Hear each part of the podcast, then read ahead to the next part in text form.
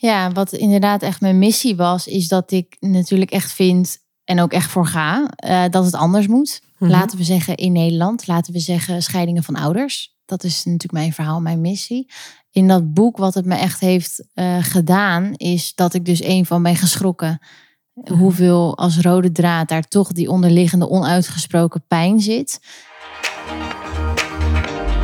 AMV Podcast. Ambitie maakt verschil. Ambitie maakt verschil. De podcast voor iedereen met talent in bemiddeling, communicatie, ondernemerschap en klaar is om dat verder te ontwikkelen. We gaan het hebben over keuzes maken, tegenslag, succes, ondernemen en groeiambitie. Want ambitie maakt verschil. AMV Podcast.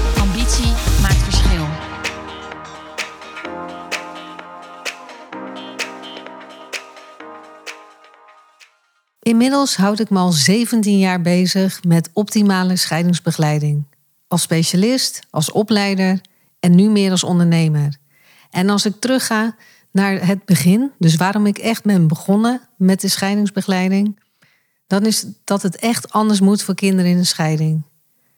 Maar als iemand daar echt haar persoonlijke missie van heeft gemaakt, dan is dat mijn dochter Iris Gundel. Het zou dus eigenlijk best wel gek zijn als ik haar niet zou interviewen in deze podcast Ambitie maakt verschil. Van harte welkom dus Iris. Kan jij jezelf even kort voorstellen voor de mensen die jou nog niet kennen? Ja, dankjewel voor deze leuke introductie. Eh, mijn naam is inderdaad Iris Gundel. Ondernemer, trainer, dagvoorzitter, eigenaar van het expertplatform Voorkans. Daar eh, ja, begeleid ik eigenlijk vanuit dezelfde visie als voor scheidingen en vooral de positie voor kinderen daarin. Ja, werk ik ook vanuit de visie om preventief het verschil te maken. En bij Voorkans echt in de zakelijke markt. En eh, ja, vanuit die rollen zit ik denk ik ook vandaag nu hier. Ja, nee, dat klopt. Maar weet je, laten we gewoon, want je noemt weer even in één zin echt heel veel elementen. Hè, wat je allemaal doet uh, in het dagelijks leven, wat je allemaal hebt uh, bereikt ook, waar je nu echt ook voor gaat.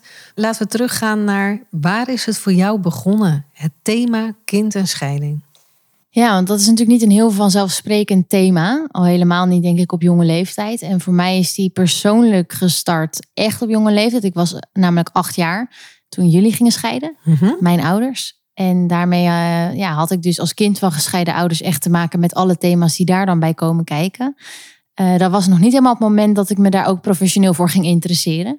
Uh, sterker nog, ik, ik, was toen ook de enige in de klas die te maken had met gescheiden ouders, wat nu echt een uitzondering zou zijn. Maar er werd dus helemaal niet echt aandacht aan besteed en dat vond ik op zich ook wel prima. Tot ik uh, naar een andere school ging en ineens in een klas kwam met heel veel kinderen met gescheiden ouders. En dat dus een thema bleek te zijn. En jij natuurlijk een eigen scheidingspraktijk bent gestart. Ja. En ja, daar had ik in eerste instantie ook niet echt mijn interesse in, of sterker nog echt niet. Uh, ik dacht, uh, wat uh, wil ik daarmee te maken hebben? Ik heb het al thuis. tot ik, nou, ik was denk ik 15, 16 jaar. Dat ik me toch wel een klein beetje meer ja, nieuwsgieriger werd. Nou, als ik dan even terug. Leuk dat we nu terugkijken vanuit verschillende ooghoeken. Hè? Dus vanuit verschillende gezichtspunten. Um, ik ben natuurlijk de scheidingspraktijk gestart in 2004, 2005. En voor de luisteraar die dat verhaal nog niet kent, ga zeker even terug naar onze eerste podcast. Want daarin uh, vertel ik daar alles over, hoe ik daartoe ben gekomen. De scheidingspraktijk.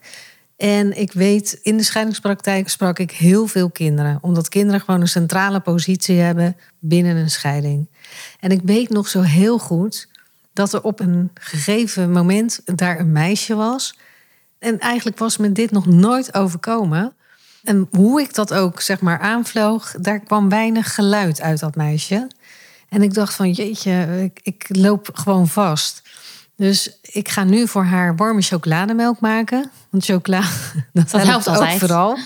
Eigenlijk met de bedoeling dat ik zelf even afstand kon nemen nou ja, van het gesprek dat ik even rustig over na kon denken van joh, wat gaat er nu eigenlijk mis? Waarom loopt het zo stroef? En ik weet nog dat jij uh, in, in de woonkamer zat. We hadden kantoor aan huis. En dat ik zei, Iris, wil jij haar even uh, chocolademelk gaan brengen? Want dan nogmaals, dan had ik wat meer tijd om na te denken.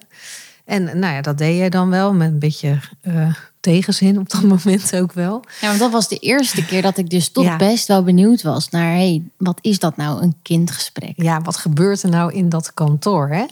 En wat er toen gebeurde, vond ik nog steeds tot op de dag van vandaag wel magisch. Want ik, ik liep op een gegeven moment natuurlijk terug naar kantoor en ik hoorde jullie nou enorm praten over de scheiding en, en, en wat dat allemaal betekende. En ik stond zo'n beetje achter die deur te luisteren en toen dacht ik, ja, maar dit is het. Jullie spreken elkaar taal, jullie snappen elkaar. Ehm, nou, hoe waanzinnig is dit? En ik heb jou toen ook gevraagd van, joh, luister, je bent, nou, volgens mij was je 15, 16 inderdaad. Van, ehm, zou jij dat niet eh, willen doen? Dat jij met kinderen eh, van mijn eh, cliënt aan tafel in gesprek zou willen gaan over ja, hoe het voor, voor hun is in een scheiding. En dat was laagdrempelig. Ik zag dat helemaal voor me, maar jij ook. Ja, want ik merkte toen inderdaad echt op dat laagdrempelige. Dat, nou, zij was iets jonger dan ik. Eh, en ik was iets verder in de scheiding van mijn ouders dan waar zij zat met de scheiding van haar ouders. Ja, Dus we konden ook samen best wel wat tips bedenken. Waar, waar zij tegenaan liep, herkende ik weer. Dus ja, je begrijpt elkaar dan inderdaad niet alleen op de taal, op, op leeftijd, maar ook op die situatie thuis. Op, op, op die ruzies of spanning die je misschien toch onbewust en bewust opvangt. Eh, en wat je dan doet of wat je dan kan doen. En ik kon daar wat makkelijker ook weer van buitenaf, zonder dat ik haar ouders ken, met haar belangeloos meedenken. En ja, dat werkt inderdaad zo gemakkelijk dat ik ook dacht, wow, met eigenlijk zo'n klein stapje kan je zo'n groot verschil maken voor iemand. Ja, mooi. Ja, en, en want dat, dat gebeurde er echt. Hè? Je, ja, wat je zegt ook, je spreekt elkaars taal, je snapt welke situatie je zit. Ja, dat, dat geeft al een, een soort band, hè, eigenlijk. Hetzelfde als dat je ook wel goed kunt voorstellen als iemand een gebroken been heeft, dat het super vervelend is. Maar op het moment dat je allebei met een gebroken been zit, ja, dan is dat toch een Dan beetje net een wat meer lol. Dan heb je Ja. net wat meer lol. En eh, dan, dan voelt dat toch wel een beetje versterkend. En zo, en zo ben je eigenlijk begonnen hè, met kind en scheiding. Ja, en Iets waar je de jaren daarvoor, nou zeg ik het netjes, redelijke weerstand op had. Wat ook natuurlijk niet heel onlogisch is. Want ja, een scheiding, het doet pijn als kind. En ja, dan wil je dan toch een beetje vanaf. Ja, en dat was echt het eerste moment dat ik dacht, ja, ik, ik eh, wil eigenlijk hier inderdaad nog wel wat meer voor gaan inzetten dan alleen dat, dat gesprek waar ik wel echt zag met wat ik zei, het kleine stapje wat zo'n groot verschil al kan maken. Alleen al doordat het natuurlijk via jullie scheidingsspecialisten dan werd teruggekoppeld weer aan de ouders. En ouders dus konden kijken door de ogen van het kind. Eh, ja, ik zag gewoon hoeveel dat opleverde. Dat ik me er gewoon steeds meer in ben gaan verdiepen. En door die jaren heen echt eh, zoveel kinderen heb mogen spreken om ja, dat kleine stukje wederzijds begrip weer in dat gezin terug te kunnen brengen. Maar ook dat kleine steuntje in de rug te kunnen zijn voor dat kind. Door elkaar gewoon echt ja, makkelijk vertrouwd te begrijpen. Maar dat kleine stukje kan al, of dat kleine steuntje, moet ik eigenlijk zeggen, dat, dat maakt al zoveel impact. Het kan al zo het verschil voor iemand anders maken. Ja, Mooi. En inderdaad, jij bent toen die kindgesprekken gaan doen. En dat is natuurlijk door gaan ontwikkelen. Je bent steeds verder toch wel in de materie gegaan ook. Totdat je op een gegeven moment ook dacht van... ja, nu hebben we al die verhalen van al die kinderen. Het zijn prachtige verhalen. Het is zonde als dat verloren gaat. En op een gegeven moment kwam je wel met het idee van... eigenlijk moeten we deze verhalen, die mogen niet verloren gaan. Dit heeft ook waarde voor iemand anders die in zo'n situatie zit om dit te lezen. Ik wil een boek schrijven. ja. Ja, Vertel het is echt eens. eh, bizar idee achteraf dat ik daar zo enthousiast over was. maar het begon inderdaad met dat ik vanuit die gesprekken dacht wat het bij die ouders kon opleveren als eh, ja, blikopener. dat je toch op een andere manier dus ging kijken naar dezelfde situatie doordat je het vanuit de, het kindperspectief bijvoorbeeld eh, ging zien. Eh, dat ik daar blogs over ben gaan schrijven. In eerste instantie van de, van de echt wat kleinere kinderen. En dan kregen we toen zoveel reacties op. Ja. Dat eh, ik steeds meer ben gaan schrijven. En op een gegeven moment dacht, nou, als we het bundelen hebben we een boek. En tegenwoordig schrijft iedereen een boek. Dus ja, Ja. haha. Eh, Ja, dat was nog een leuke eh, nou ja, project. leuk project. Ja, een erg lange termijn project. Eh, maar inderdaad, toen ging ik wel nadenken van... goh, eigenlijk met alle verhalen van nu... dat zijn de kinderen van nu zijn de volwassenen van straks. En wat moeten we met de volwassenen van weer later... ja, voorkomen met wat we misschien nu weten... waar de rode draad zit in wat er misschien nog niet zo heel goed gaat... waar misschien de mooie lessen zitten wat heel goed gaat... wat belangrijk is voor die positie van een kind in een scheiding, waar ouders misschien aan kunnen denken, eh, waar ze dus misschien niet aan kunnen denken. En die verhalen wilde ik juist heel persoonlijk echt open en bloot op tafel leggen. En echt op, uh, nou, vanuit dus echt interviews gaan delen en gaan bundelen. Samengevoegd met wel de visie van verschillende experts. Om eigenlijk in eerste instantie, dacht ik, een luchtig doorbladerboek te maken over scheiding. En over Ja. Ja. kind en scheiding dus Ja. vooral. Daar, daar hebben we toen ook over gehad, hè? samen. Dat we zeiden van, nou, het moet niet zo'n heel tranentrekkend eh, boek gaan worden. Dat iedereen daarna nog eh, eh, verder in een depressie eh, raakt. Het moet wel nou, eh, een beetje de wachtkamer bij de tandarts kunnen. pre- precies, een beetje een luchtig boek zijn. Ja. Hoe is dat uitgepakt? Ja, ik heb echt, nou, volgens mij waren het in de negentig mensen geïnterviewd dwars door het hele land. Vanuit echt advertenties, socials, via, via mensen die het toch wel echt interessant vonden. Wat ik dus ook van mezelf herkende ineens met dat kindgesprek toen. Toch ineens interessant vonden om hun verhaal te delen. Of hier aandacht aan te geven zelf en aandacht over te krijgen. Eh, en dan ook nog in een boek natuurlijk te worden vermeld.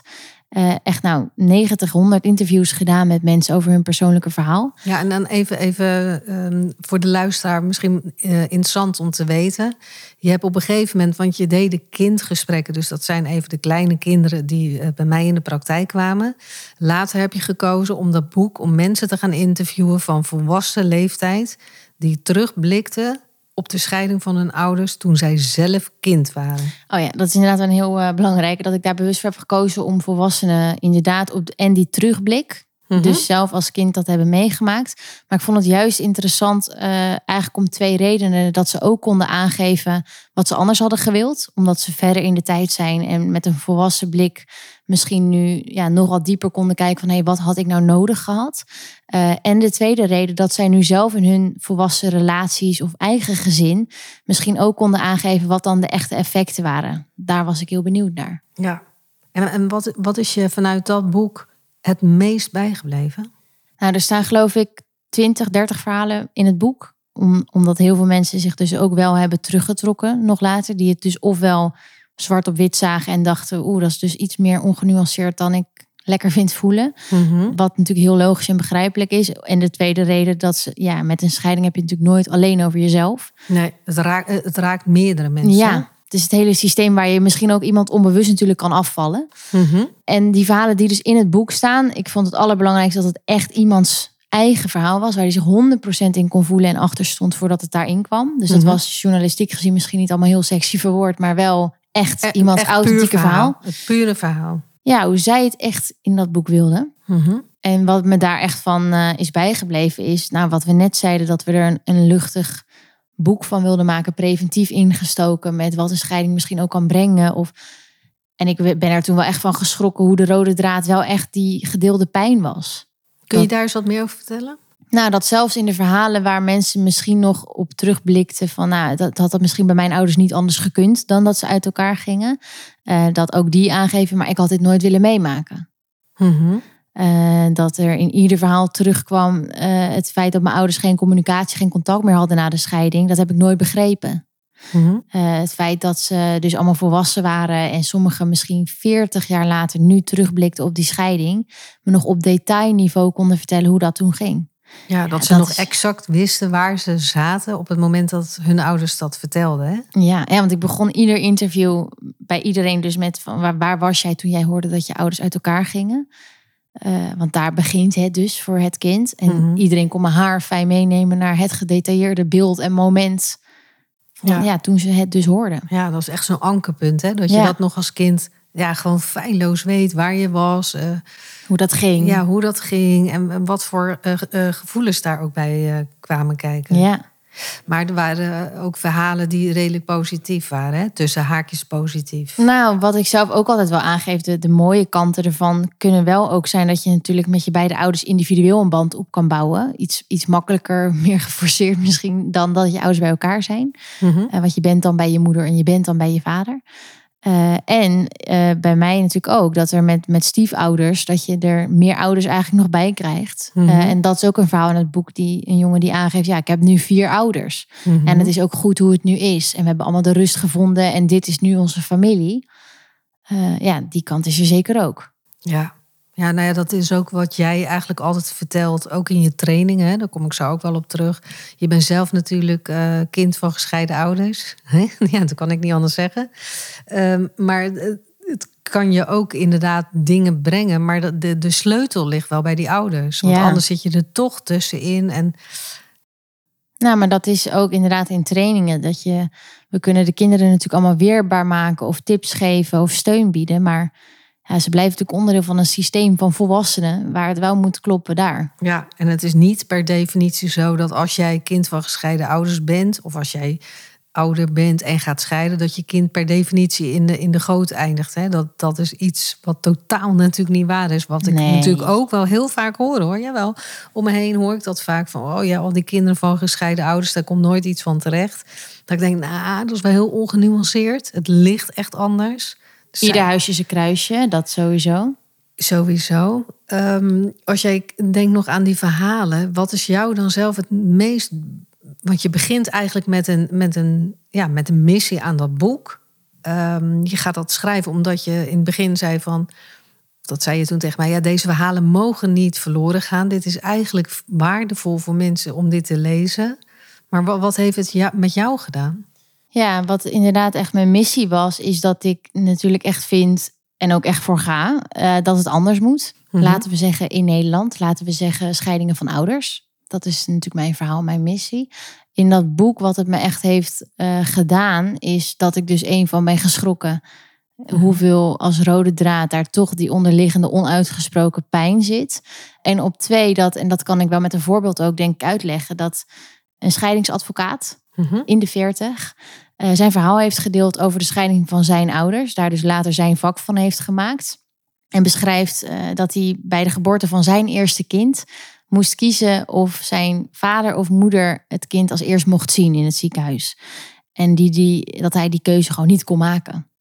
Ja. En ja, dat vind ik zo'n tekenend voorbeeld van dat ik ook altijd zeg als kind van gescheiden ouders heb je levenslang. Dat je in die loyaliteit, in dat soort vraagstukken, in dit soort spartelende communicatiepatronen moet wurmen om het allemaal een beetje op orde te houden in je gezin. En ja, dat is wel waar mijn missie nog meer is van gaan groeien. Dat ik vind dat hoe vaak ouders ook gaan scheiden, of, of ze goed scheiden of minder goed scheiden of niet scheiden. Als je met elkaar een kind krijgt, blijf je gewoon levenslang ouders. Ja. Ehm, en dat gun ik ieder kind. Ja, we zeggen niet voor niks tot de dood u scheidt, maar dan wel op het gebied van ouders. Hè? Dus Ja. het, het is, stopt niet in de partnerrelatie. Het schakelt dan echt door naar een ouderschap. Wat, Ja. je, wat je levenslang met de andere ouder hebt. Ja. En hoe beter je dat doet, hoe fijner het voor een kind is. ja. En dan zie je dat maar als zakelijke overeenkomst. Nou ja, zeker. En, en dan nog kan een kind natuurlijk last krijgen van loyaliteit. Hè? Zonder dat de, ehm, de volwassenen of de ouders daar zelf zo in staan. Maar een kind voelt dat natuurlijk wel heel snel. Dus het is gewoon heel goed om daar heel bewust eh, van te zijn. Nou, moet je dus nagaan als inderdaad je omgeving het ook nog van je vraagt. Ja. Want het is er al. Het is er al, ja. Iris, je bent naast, eh, hè, want we schakelen even van jouw boek. Schei eens uit, heet overigens het boek. Ik Ja. zal het ook nog wel zetten in de, eh, in de omschrijving, in de tekst. Je bent toen ook gaan trainen op het gebied van kind en scheiding. Ja. Ja, dat begon ook eigenlijk in eerste instantie echt als ervaringsdeskundige, hoe we dat dan natuurlijk altijd noemen. Dat ik eh, echt als kind van gescheiden ouders Ja. mijn eigen ervaring natuurlijk Ja. kon delen. Ja, ik nam, je, ik nam jou toen mee in de trainingen. En dan mochten ze jou alles vragen hoe het voor een kind in scheiding was. Ja. En daar leerde zij toen mega natuurlijk van. Ik doe het nog steeds wel eens. Ja. Dat ik over mijn eigen ervaring daarin dingen deel. Eh, omdat, ja, ik vind echt stap één is dat je gewoon echt in die kinderschoenen gaat staan. Mhm. Van hoe zien zij die wereld en hoe zien zij hun thuissituatie als dit gebeurt? Eh, want als we dat een stuk op die manier gaan bekijken, dan, ja, dan kijk je dus anders naar dezelfde dingen. En dat eh, brengt je volgens mij gewoon altijd verder. Eh, en, Nou ja, het mooie is, als ik het zo mag aanvullen, dat jij ze ook op dat moment echt eh, laat kijken door de ogen van een kind. Vanuit Ja. een andere positie. Ja, hoe je op het schoolplein eh, bezig bent met waar de zwemtas ook weer was. Omdat je een weekend naar papa gaat. En nou ja, dat soort voorbeelden Ja. gaan natuurlijk wel ervoor zorgen, hoop ik, dat je aan tafel met ouders ook andere vragen gaat stellen. En ook andere afspraken maakt in ouderschapsregeling. En ja, dat is. eh, en daar ben ik me ook dus steeds meer in gaan verdiepen. Inderdaad, in het trainen van de professional. Omdat ik net zei, je kan het kind weerbaar maken, maar je moet bij de ouders zijn. Nou, en dan zijn voor mij is dan, ja, die, dan is de pro- professional de brug. Die zitten met die ouders aan tafel. Ja, Om ze bewust te maken, om duurzame afspraken te maken, om ze te begeleiden van partners naar ouders. ja. Nou, kijk, het mooie vind ik als je nu even een bedrijf eh, voor ogen hebt waar een tweekoppige directie zit. En die tweekoppige directie, die hebben ieder apart, van, los van elkaar uiteraard, een andere visie. Ze willen allebei een andere kant op. Dus ehm, de, de een wil links, de ander wil rechts. En, en ze komen daar niet lekker uit. Hoe denk jij dan dat het op die werkvloer functioneert? 9 van de 10 mensen zeggen dan ja, niet, want dan is onduidelijkheid, dan weet je niet waar je aan toe bent. Maar eigenlijk is dat ook met ouders, met een kind. Ja, en dat is al als je in één huis woont. Hè? Dan is het al super moeilijk om op één lijn te zijn qua opvoeding of financieel of eindtijd thuis zijn of weet ik het. Ja, laat staan dus vanuit Als twee je elkaar huizen. echt niet meer. Ja, Ja, want je ben- bent inderdaad, hè, je geeft les ook in de familiemediation eh, opleiding. En ook in het programma De Kinderen Scheiden Mee. ja. ja, inderdaad. In de familiemediation, dus echt voor die professional eh, die echt met de ouders aan tafel zitten voor die scheidingsbegeleiding.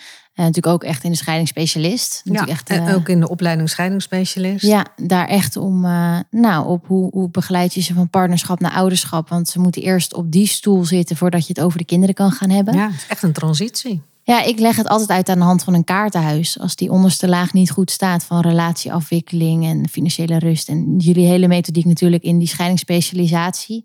eh, werkt hetzelfde als we terugvallen naar de eerste verdieping op, op partnerschap. Waar gewoon nog iets rommelt. Op waarom heb je dit?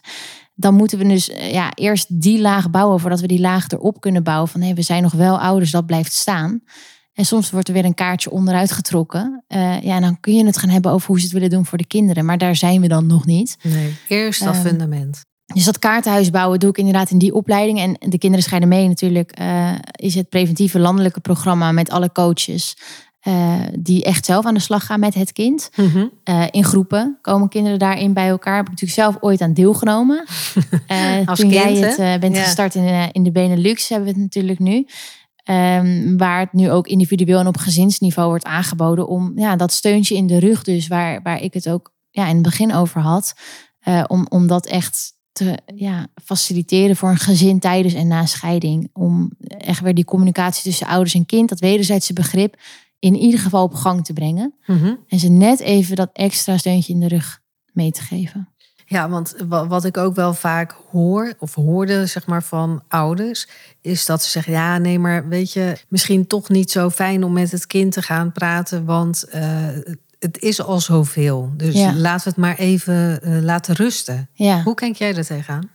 Ehm, nou, wat ik doe is dan natuurlijk altijd vragen stellen wat de situatie is, hoe het gaat, hoe dat is eh, opgevangen door het kind, wat de, de situatie is qua huizen of eh, hoe ver ze zijn in de scheiding. Eh, aan de ene kant zeggen we natuurlijk zeker vanuit dit programma, wat natuurlijk wereldwijd op de kaart staat. Mhm. En in Amerika en heel veel staten überhaupt verplicht is voordat je een scheiding kan laten tekenen in de rechtbank. Wie weet gaan we daar in Nederland ook nog ooit naartoe. Ehm, ja, is het wel eh, preventie doe je het liefst dus zo snel mogelijk. In die zin juist als je als kind begint de scheiding natuurlijk op het moment dat je het hoort van je ouders. En natuurlijk heb je tijd nodig om dat te laten bezinken. En is het heel afhankelijk van de situatie. Of je meteen in twee huizen gaat wonen. En of er meteen heel veel gaat veranderen. Of dat het allemaal nog wat langer duurt. Maar juist om dan met gelijkgestemden samen te komen. Of bij een coach te komen. En ja, je dan dus zo serieus genomen voelt dat je die extra aandacht krijgt van iemand die dat vaker doet met meer kinderen. Ja, dat kan natuurlijk wel juist dan al heel erg opluchten dat je er niet alleen voor staat en dat iemand jou begrijpt. Eh, en de andere kant is, ja, preventie is nooit te laat. Ook als het eh, een jaar, een paar jaar later is, kan het nog zo erg jou ja, versterken in, in je zelfvertrouwen, in je hele herinnering van ook die scheiding. En ook hoe je later naar zaken gaat kijken, kan het je gewoon zoveel brengen om daar net een beetje begeleiding bij te zoeken. Ja, maar kijk, ik denk dat we als mens, eh, generaliseer ik het nu maar even, me allemaal wel fijn vinden als iemand in een, een rottige periode van je leven aan je vraagt: hoe is het met je? Ja. En dat kan al zo helpend zijn. En dat vergeten we echt zo vaak bij Dat- kinderen. ja, weet je wat het is? Als, als ik het weer vergelijk met een bedrijf, hè, dus er komt een fusie aan. Niemand eh, van die afdeling weet precies wat er gaat gebeuren. Dus er ontstaat onrust. Iedereen wordt toch stiekem een beetje bang voor zijn of haar baan. Daar word je gespannen van. Mensen gaan slechter slapen. En stel je voor dat er dan niemand aan je vraagt: Goh, hè, maar wat doet dit nu met je? Of hoe gaat het met je?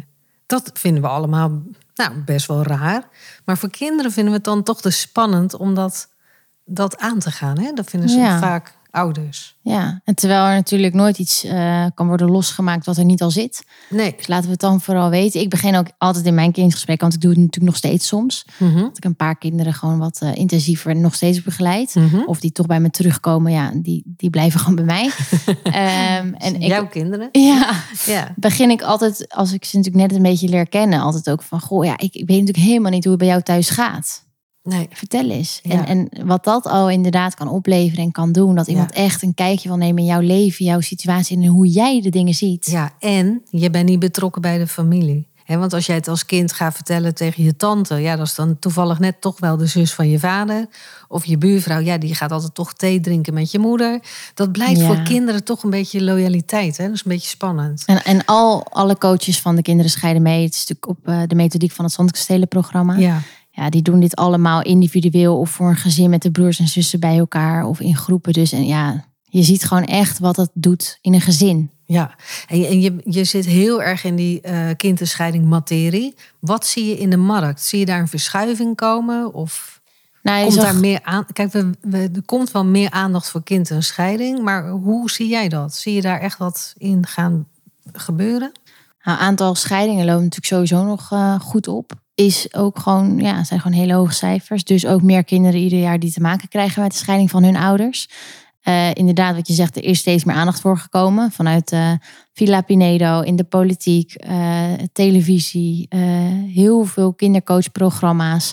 Alles is goed. Alles dient namelijk hetzelfde doel. Namelijk dat er echt extra aandacht moet zijn voor kinderen in scheiding. En wat ik wel zie in de markt is dat dat wel ook invloed heeft op überhaupt de dienstverlening rondom een scheiding. Maar dan met name op de ouders. Dat je, eh, nou laten we zeggen, een paar jaar geleden nog echt wel zag. Mensen stappen naar familierechtadvocaat, eh, moeten daar naar de accountant, nog even langs de fiscalist, eh, een kindercoach, zelf een psycholoog. We moeten ook nog kijken of het juridisch allemaal klopt op deze manier. Waar ik nu steeds meer überhaupt in de markt zie, dat mensen gewoon veel meer een, een loket, een one-stop shop willen, waar je gewoon bij één specialist alles goed kan laten begeleiden. Ja, want het is En- allemaal al zoveel. Hè? En dat er ook juist aandacht is voor het kind als misschien wel randvoorwaarde van, van die dienstverlening. Ja. Waar het een paar jaar geleden echt nog wel wat harder trekken was eh, vanuit ons programma, maar eigenlijk nog veel breder om inderdaad met die kinderen ook aan de slag te gaan, is dat nu veel gebruikelijker en eh, veel meer gewenst ook vanuit ouders zelf. ja. Maar wat, want het is jouw missie, hè? Maar wat wil jij dan echt laten horen? Ja, wat ik echt wil laten horen is dat eh, het mij niet gaat eigenlijk om een scheiding. Want heel vaak associëren mensen mij dan natuurlijk met scheidingen. Eh, En daar zit ik dan natuurlijk ook volledig in. En echt voor de positie van het kind daarin. Maar als ik dat nou omarm als feit. Dat Mhm. sommige relaties ook beter af zijn als mensen uit elkaar gaan. En sommige gezinnen dus ook als ouders gaan scheiden. eh, dan is het dus wel mijn boodschap dat ouderschap dus nooit stopt. Nee. En dat we preventiever, ik noem het bewust ook maar even gewoon zakelijker, moeten gaan kijken naar welke verantwoordelijkheid en welke rol je aangaat als je met elkaar ouders wordt. Ja.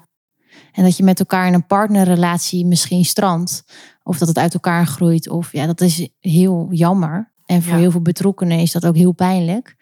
Maar het ouderschap gun ik in ieder geval ieder kind dat dat blijft bestaan. En in ieder geval de communicatie tussen ouders. Ja, dat is mooi, hè? Want als ouder gun je altijd het beste voor je kind. Maar toch kunnen nou, best veel mensen in een scheiding op dat moment dat niet meer opbrengen. Ja. Want dat is het beste voor je kind. Nou, en we zeggen natuurlijk ook in een vliegtuig: red eh, eerst jezelf, dan je kind. En dat zie ik ook bij een scheiding wel. En die ruimte is er ook niet. Die kan er ook vaak niet zijn. Maar ja, des te meer de noodzaak voor goede begeleiding Ja. eromheen. Ja, Ook voor het kind. ja. Maar ook misschien nog een stap daarvoor, hè? Dus, dus echt dat, eh, want in jouw missie zit ook preventie. Ja. Ja, en preventie is natuurlijk allemaal helemaal leuk eh, modewoord. Ik wou net zeggen, af en toe denk ik, ja, het is allemaal preventie. Ik krijg af en toe een beetje de jeuk van. Maar Ja, als je goed aan preventie doet, kan je het ook nooit bewijzen. Want dan gebeurt het dus later niet. Maar waar kwam het door? Ja, Maar nee, dus preventie bedoel ik wel echt in, in mijn eh, filosofie... dat we er op tijd bij moeten zijn en dingen bewust aangaan. Dus bewust keuzes maken. En waar we eh, nou gaan trouwen, hè, vinden we het allemaal eigenlijk best gebruikelijk... dat we dan huwen voor de wet. Mhm. Ja zeggen, niet tegen elkaar, maar tegen de wet.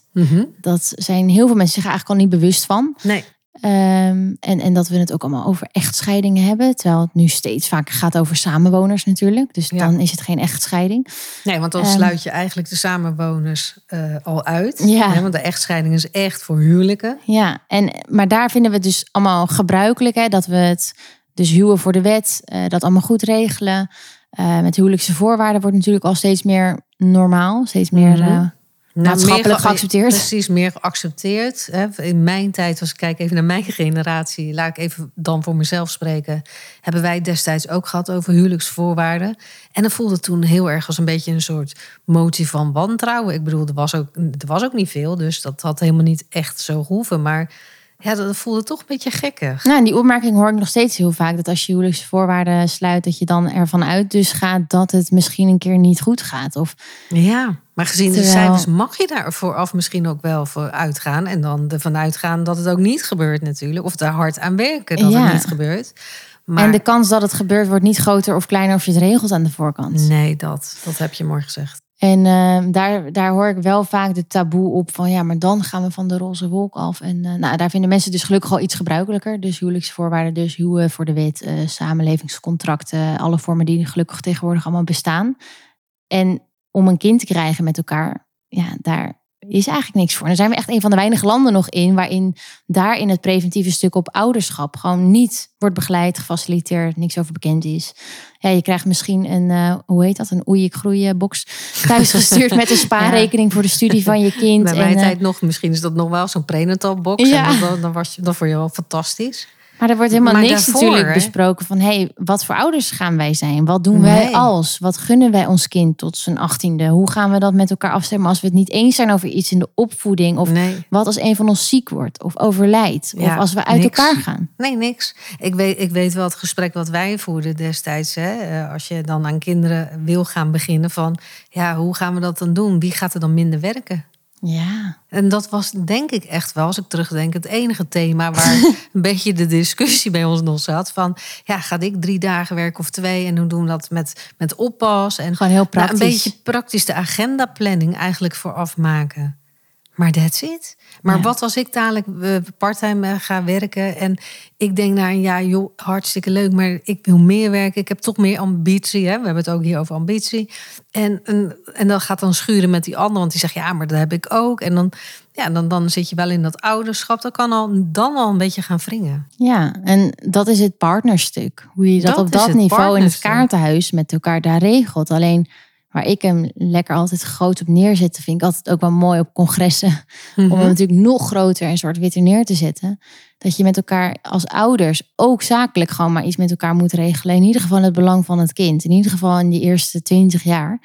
Eh, dat wat er ook gaat gebeuren, dat je wel met elkaar die rol aangaat. En hopelijk ook van daaruit aan kinderen met elkaar begint.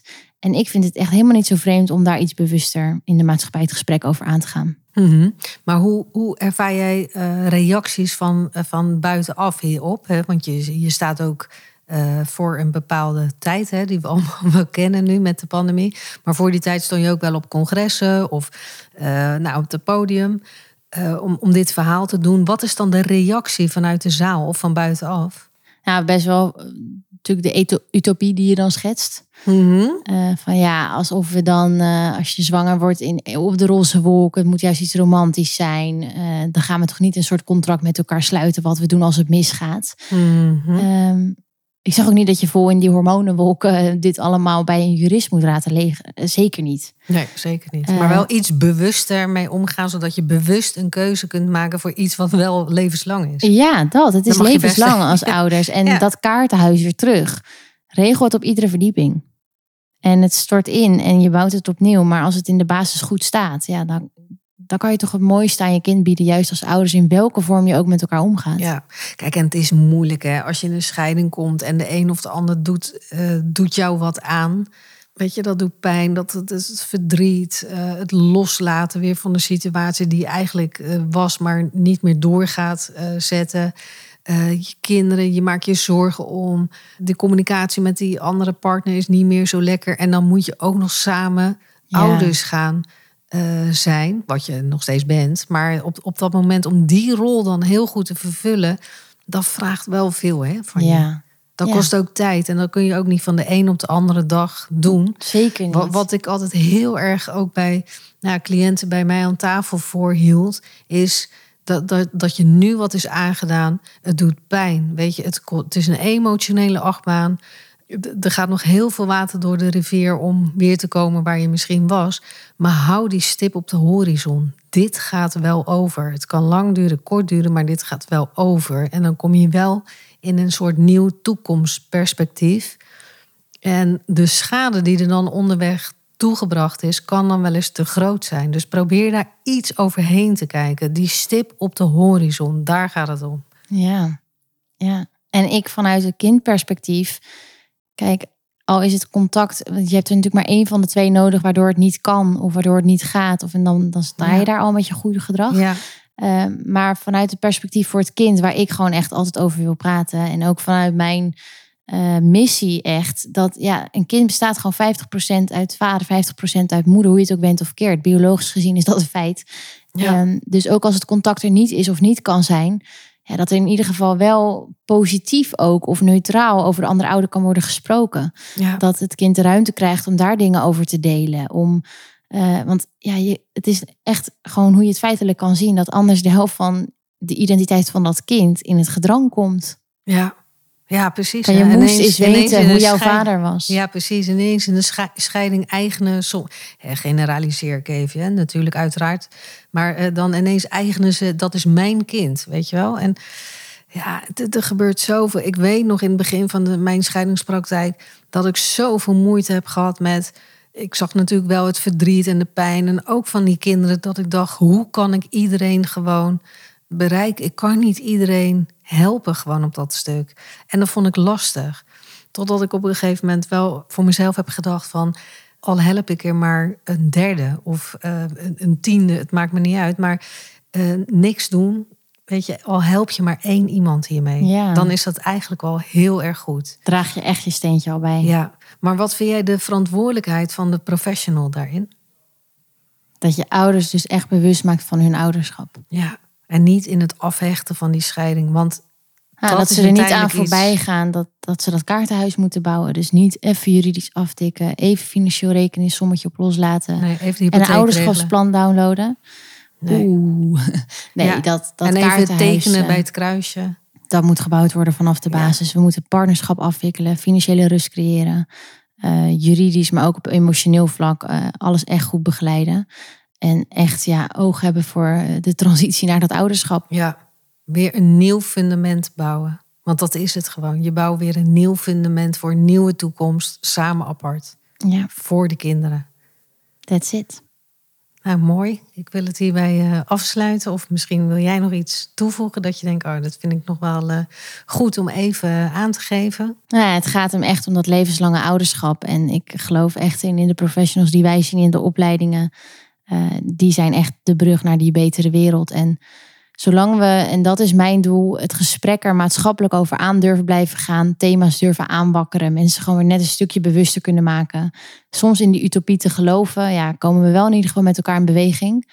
Eh, en in de juiste communicatie. En dat is wel de sleutel tot eh, de nieuwe gezinssituatie. Communicatie. Ja, ik denk dat we hem daar mooi bij afsluiten. Dankjewel Iris voor je uitleg en in ja, deze prachtige missie die jij hebt. Dankjewel. AMV Podcast.